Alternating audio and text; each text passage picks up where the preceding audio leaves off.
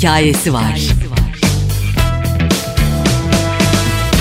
Üstüne çok şey söylenebilir, hiçbir şey söylenmeyebilir. Çünkü Bülent Ortaçgil deyince zaten aklımızda bir sürü şey oluşuyor hiçbir şey oluşmuyor da olabilir çünkü zaten kendini anlattığı için. E bunca yıldır bir adam varsa 50 yılı geride bıraktıysa da herhalde hiçbir şey boşuna değildir. Karşımdadır ve e, heyecanlanmadan sakince olayı bitirmeye çalışacağım. Hoş geldiniz öncelikle. Merhabalar, hoş bulduk. Merhaba. E, daha önceden de ne güzel ki kayıtlar yapabildik ve şu anda daha böyle kendimi iyi hissediyorum. İkinci bir şansa da sahip olmuşum gibi hissediyorum gerçekten.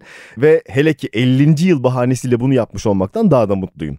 ne, ne güzel. Siz e, başta mesela 1970 senesinde bir gün 50. yılını da kutlayacaksın Bülent Ortaçgil deseler ne kadar inanıyordunuz bunun böyle olacağını? Vallahi bir kere düşünmüyordum öyle bir şey tabii. Değil mi? Yani 50 yıl bu işle uğraşabilir miyim? Çünkü 70'li yıllarda da ilk şarkıları yaparken e, sağdan soldan öyle çok olumlu tepki almamıştım doğrusu. Evet. Dolayısıyla bir meslek olarak müzikle yaşayacağımı hiçbir zaman planlamadım. O yıllarda da planlamadım ama şarkı yazmayı sürdürdüm ve o şarkı yazmaya da başka kimseyi bulaştırmadım. Yani e, o öyle devam etti. O özel bir hayatımın bir köşesi olarak durdu her zaman. E işte şu anda da o köşenin o köşe e, hayatım oldu sonunda. Evet sahibi sizsiniz net olarak. Peki şimdi bu albüm aslında e, 2020 senesi için planlanmıştı değil mi? Tam 50. yıla denk evet, geliyordu. Evet yani e, şey söyle adını nümerik olarak sayısal olarak 50. E, yıl ne zaman başlar ne zaman biter bilemiyorum. Çünkü bu buçuktaki kayıtlar 69 kayıtları. Evet. Ee, şimdi dolayısıyla 50 toplarsan eğer, eğer 2019'a da aslında geliyor. Geliyor ama yani o kayıtlar yaptığım zaman ben sahnelerde profesyonel olarak çalmadığım gibi kimse de tanımıyordu beni. Ama sadece o kayıt var.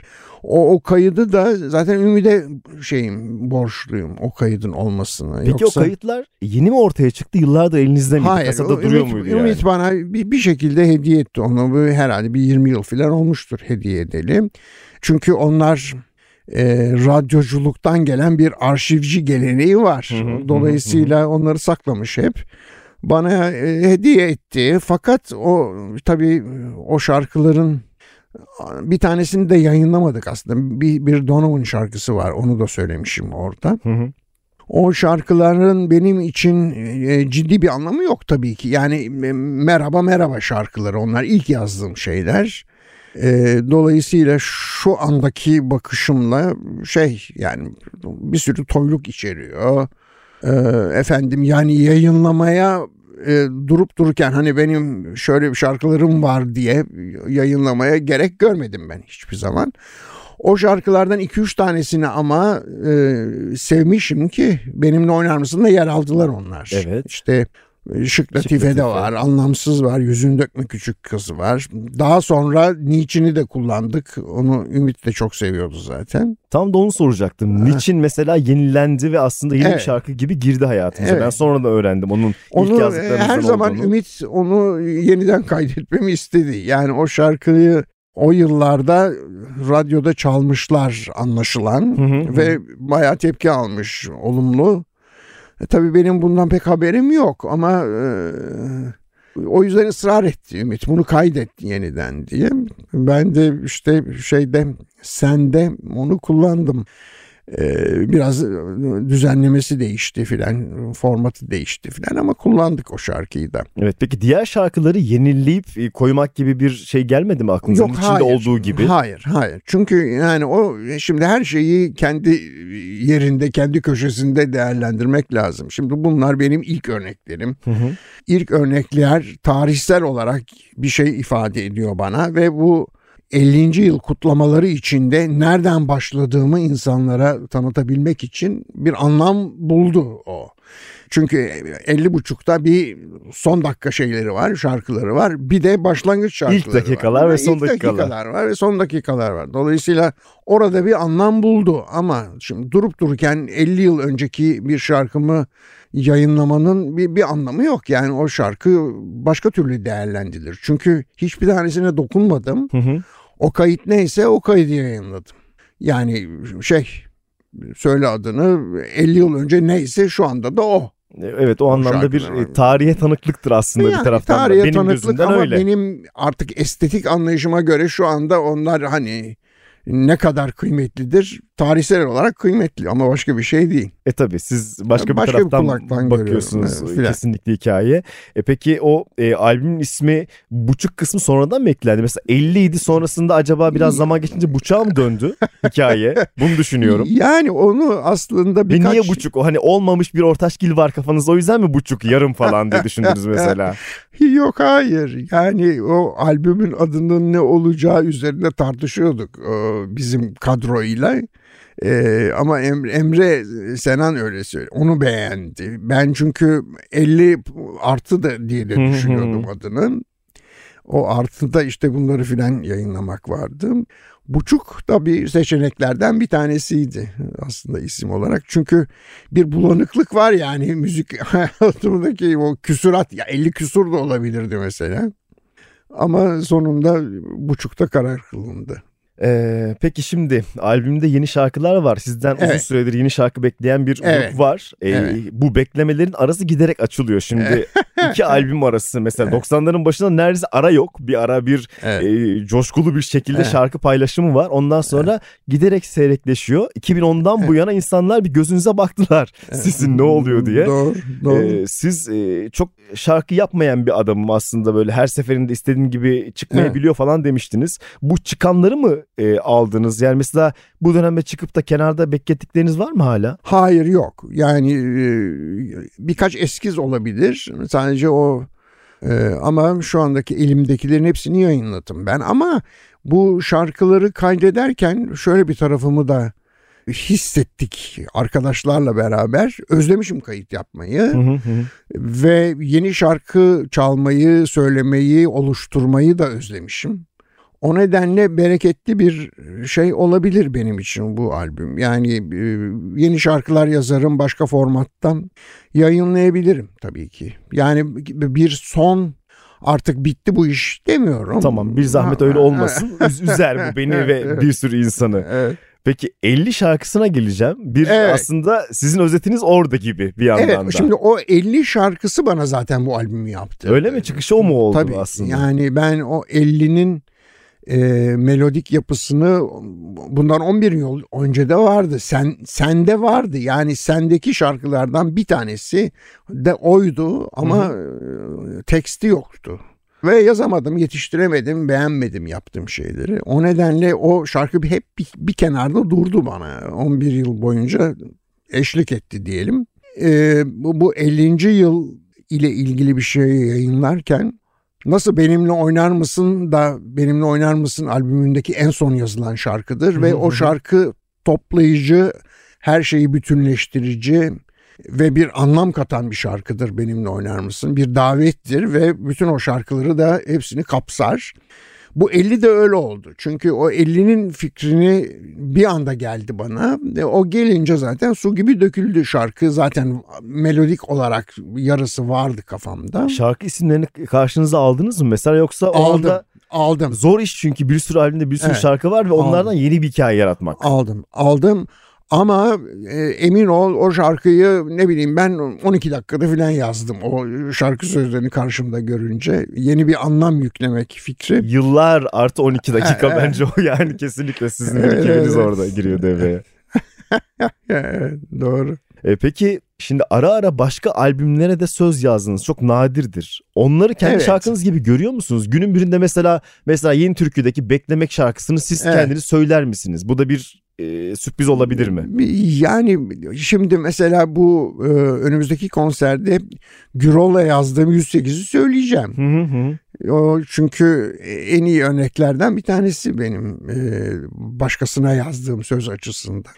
E, şeyi de Levent'e yazdım, işte Yeni Türkiye'ye yazdım. Levent Yüksel'deki Gül Levent Kurusu'nu Yüksel. ben direkt birebir ortaşgil duyuyorum resmen. Evet, yani, Nakaratta resmen ben sizi duyuyorum. Fahir'e yazdım. O şarkı da çok... Onlar da, evet. Onlar da... Yine şey... sizin söylediğiniz şarkı en azından. Hani teselli mi o? E, siz tabii. yazmışsınız, siz söylemişsiniz. Ama öbürlerinde tabii, siz tabii, yoksunuz tabii. ya. Hani bu da bir e, 50 buçuk değil de 51-52 sürprizi olabilir mi diye düşündüm sadece. E, Valla günün birinde olabilir. Ne bileyim ben yani bir projeye bakar da ya ee, asla söylemem falan demiyorsunuz en azından. Hayır canım tamam. yani onların bir tarafı bana ait olan yani ne kadar tarafı bilemem ama bir tarafı bana ait olan şarkılar. Sizden yeni gelebilecek her şey için şu anda bir yol açmaya çalışıyorum bir yandan. Aklınıza yoksa da aklınıza düşürüyorum. 50 buçuk bir proje olarak da aslında yeni medyanın da Ortaşgil'in farklı tarafını da ortaya çıkardığını düşünüyorum. Siz mesela bir geri sayımla tanıtıldı albüm. Instagram'da işte 10 gün kaldı, 5 gün kaldı. Orada sizin fotoğraflarınız, işte söylemleriniz falan var. Siz ne kadar dahil oldunuz ve ne kadar uzaktan izleyip hikayeye böyle bir sahip çıkabildiniz? Şimdi ben e, dahil olmadığımı itiraf edeyim bir kere bu şeye. Çünkü e, sosyal medyayı kullanmıyorum. Hı hı. Yani bir takım hesaplarım var ama o hesaplarımı yürüten başka insanlar var. Hı hı.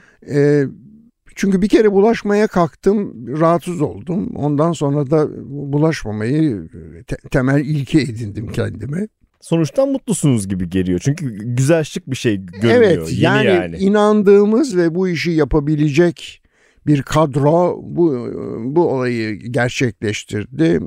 Ve ben anlamam söylediğim gibi yani sosyal medya şeyi değilim, kurtu değilim ama anladığım kadarıyla etkili oldu. Ve ilk defa Ortaçgil adına bu kadar fazla kullanıldı sosyal medya. Bayağı yoğun bir şekilde evet. bir bombardıman olarak böyle her gün acaba bu sefer ne paylaşacaklar diye ben baktım kesinlikle. Evet. Bir tarafı dijital ama hikayenin bir tarafı da hala analog. Yani evet. albüm plak olarak basıldı, CD olarak basıldı. CD de artık Aslında nostaljik bir şey kaset olarak da basılacak. Ha, oraya çünkü... da geldik. Kaset de yapılacak. Hayır çünkü şimdi bu 50 yılın teknolojisi hepsini içeriyor Doğru. diye kaset de olacaktı. Fakat anladığım kadarıyla e, ciddi bir şey e, ham madde problemi var kasette. E, Mümkün yine evet, petrol, plastik oradan. falan yani muhtemelen öyledir. O nedenle yapamadılar. Yoksa bütün o teknoloji yani 50 yıllık serüvendeki teknoloji kullanılacaktı. Evet hepsini gördünüz hepsine şahitlik evet. ettiniz evet. gerçekten öyle. Ve yazdığınız bazı şarkıların hala geçerli olması sizi üzüyor mu? Yani çünkü döneme ait söylemişsiniz ya o ara bir şeye sıkılmışsınız. Ülkede bir şeyler olmuş. Bakıyoruz 25 sene geçmiş 40 sene geçmiş aynı şarkı birebir uyuyor. Ben böyle çıldırıyorum dinlerken. Siz ne hissediyorsunuz? Valla tam şey hani dart isabeti gibi du- duyuyorum bazen de. Ee, şey söyle adını bazılarında da eğer çok güncel şarkı yazarsan örneğin normalde mesela öyle olaylar var ki artık şey hayatımızdan bir şekilde bugün itibariyle çıkmış ama 10 yıl sonra ne olur bilemem tabii ki. E, bu, bu insanlık işleri çok ortak ve zamandan Bence bağımsız şeyler bunlar. Yani her an başınıza gelebilir. 3 yıl sonra başka şey olur. 5 yıl sonra geri gelir. Evet o zaman başka bir Ortaçgil şarkısı yine bize kim o gün anlatabilir. Yani, kim bilir o zaman başka bir şarkıda bulabilirsiniz böyle şeyleri. E, zaten bu zamansızlık e, zaten bence evet. hala bir arada durmanızı sağlıyor dinleyiciyle. Evet, evet, evet. Şimdi zamanında 40. yıl konserine gelmiş biri olarak o gün konser biterken 50. yılda görüşmek üzere deyip bir el sallamıştınız. Ne kadar uzak geliyordu. Şimdi de 40 daha yeni bitmiş. 50 yıl. Oo neler olur Hadi. diyordu. Şu anda biz 53. yıldan falan bahsediyoruz ya. Ben hatırlamıyorum öyle İnanılmaz. bir şey yaptığımı. Evet, mi? öyle bir son 50 e, sallayıp gittiniz. Ee, hani bir espri olarak söylediniz belki. Belki o anda size bile komik geldi. Hani çok inanmadınız öyle söyleyeyim size. Ve geldik oraya. Şimdi yine bir e, nefis kadro var konserde e, ilk konserde de böyle bir durum vardı. E, bu nasıl belirlendi? Yine oradan başlayayım. Yani bir sürü insan Ortaçgil şarkı söylemek için sahnede olmak ister. Nasıl kırmadan ayırt ettiniz? Birilerine hayır diyebildiniz mi mesela? E, şimdi doğrusunu istersen o kadar fazla da birilerine hayır demedim. Hı hı. Ee, başlangıçta bunu iki gün yapmayı ve hı hı. engel engeli olup gelmek isteyen arkadaşlarla filan başka bir gün tekrar çalmayı düşündük ama e, şartlar uymadı sonuç olarak. Anladım. İki gün yapamadık. Tek güne sığdırmak zorunda kaldı. Şimdi tek bir takım fiziki şartlar var. Yani hiçbir konser 6 saat süremez. Evet. Yani... Hele ki şu anda bir sınırımız varken. evet. Evet doğru bir de sınır var değil Var. mi? Şurada bitecek diye. Hani hadi uzatalım 3'e kadar buradayız deme ihtimaliniz de Evet, öyle pek şey yok. de yok. Öyle olunca zaten kısıt biraz kısıtlanmak durumundasın. Ee, kolayca gelebilecek arkadaşları tabii ki tercih ettik. Yani burada olacak. Yoksa bir hani şu gelsin bu gelmesin gibi bir e, seçme durumunda kalmadım ben. Yani ilk ilk konser dedim 40 yıla bir baktım işte kadroya 50 yıla baktım daha kalabalık. Yani Ee, muhtemelen daha fazla insana hadi gel ne olursan sen de yani gel demiş şimdi o olabilir 10 yıl misiniz? 10 yıl içinde ilişkide olduğum bir takım genç insanlar var. Yani onlarla şarkı çalmışım, birlikte bir şeyler yapmışım filan falan. Bir, de e, artık şarkı söylemek istemeyen insanlar filan var. Yani mesela Doğru. Sezen artık şarkı söylemiyor şimdi ancak konuk olarak gelebilir, gelmek ister oraya. Ee, ne bileyim bildiğim kadarıyla az konser veren bir sürü insan var onların aralarında.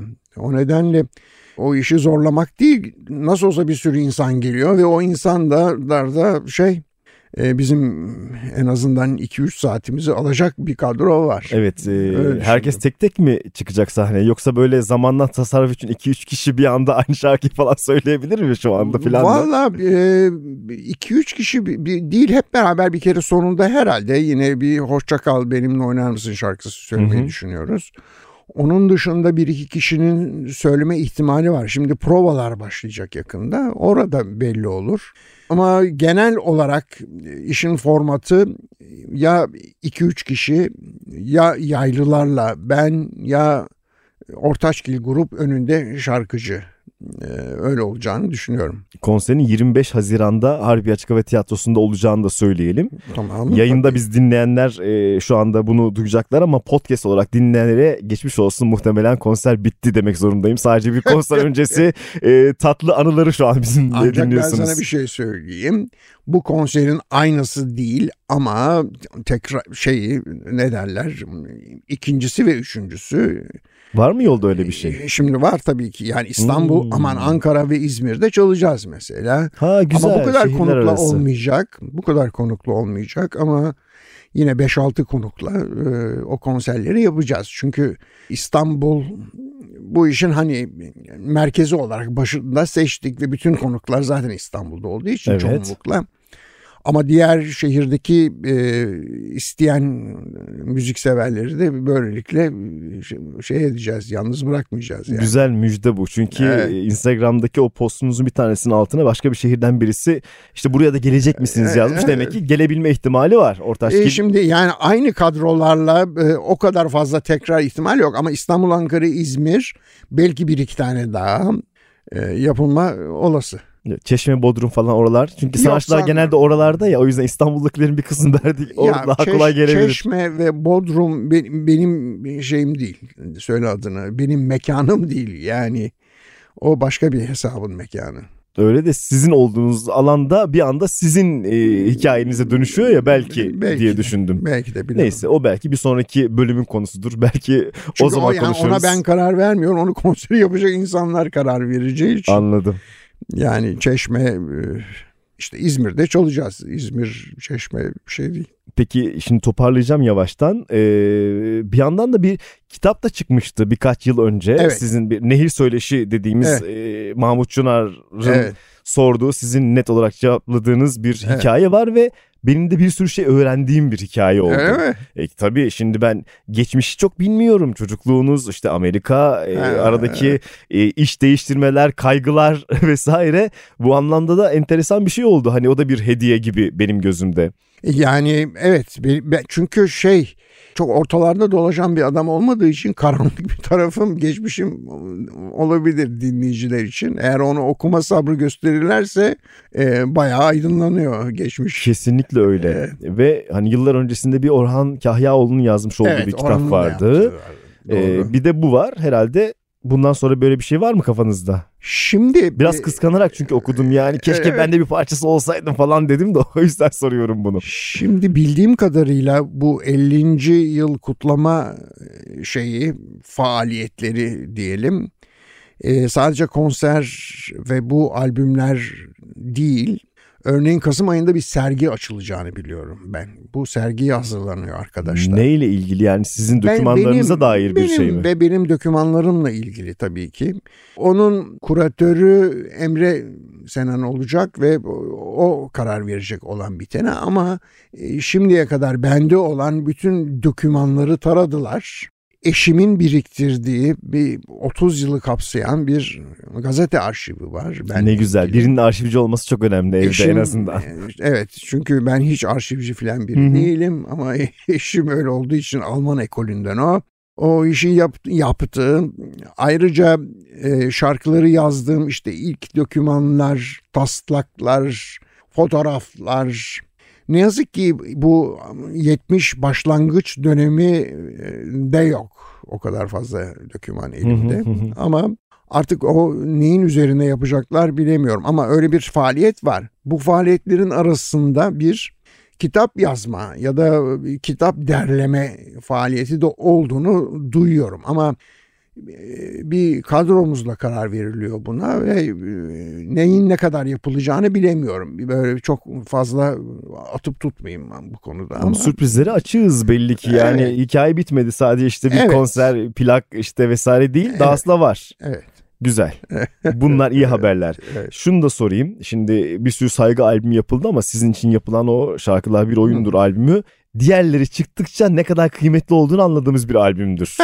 ee, gerçekten öyle hani o zaman evet birileri bir araya gelmiş şarkı söylemiş gibiydi. Ben işte bir sürü şarkıyı oradan öğrendim sonra orijinallerine baktım evet. vesaire. Evet, evet. Şimdi bir değerlendirme yaptığımızda yani 20 küsür yıl önce çıkmış bir albümün hala en iyilerden biri olması bence nefis bir şey. O hikaye orada kalacak mı yoksa ondan sonra mesela iki albüm daha var. Gece Yalanları var, Sen var, yeni şarkılar var. Onların da dahil olduğu yine böyle bir kadroyu toplamak var mı aklınızda? Valla Türkiye'deki müzik piyasası o kadar çeşitli değil bir kere bir. İkincisi biraz zorda bu piyasa. Yani e, çünkü format değiştiriyor. Yani dijital mi olacak bu? İşte bu insanlar yatırım yapıp geri alamıyorlar filan falan. Dolayısıyla bu işin sadece yaratıcı tarafından değil finans tarafından da bir sürü problemi var Türkiye'nin. Yani başka 50 bin konuda var da bu konuda tabii, da var öyle değil. Tabii. Dolayısıyla e, o kadar rahat girişimlerde bulunmak zor. Ama öyle bir proje tabii ki yapılabilir. E, bu işe kahraman olacak bir prodüktöre bakar yani. Evet böyle bir şeye dönüştü artık. Bir albüme girişmek hele ki böyle çok insanın olduğu daha masraflı bir işe girişmek kahramanlık. Dikkatini çekerim şu anda herkesin yaptığı teker teker şarkı yayınlamaktır. Yani albüm yapmak diye bir kavram da yok ortada. Evet. Çünkü albüm biriktirmek ve o kadar şarkıyı bir yere toplayıp da sunmak, arz etmek piyasaya vermek diye de bir şey yok. Bir dinleme alışkanlıkları değişti. Şimdi o albümdeki şarkıların çoğu zaten ne yazık ki güme gidiyor. Hızlı evet. bir tüketim olduğundan haklısınız. Evet yani şey e, sadece müzik sever insanlarla yaşatmak bunları da o kadar kolay değil bildiğim kadarıyla.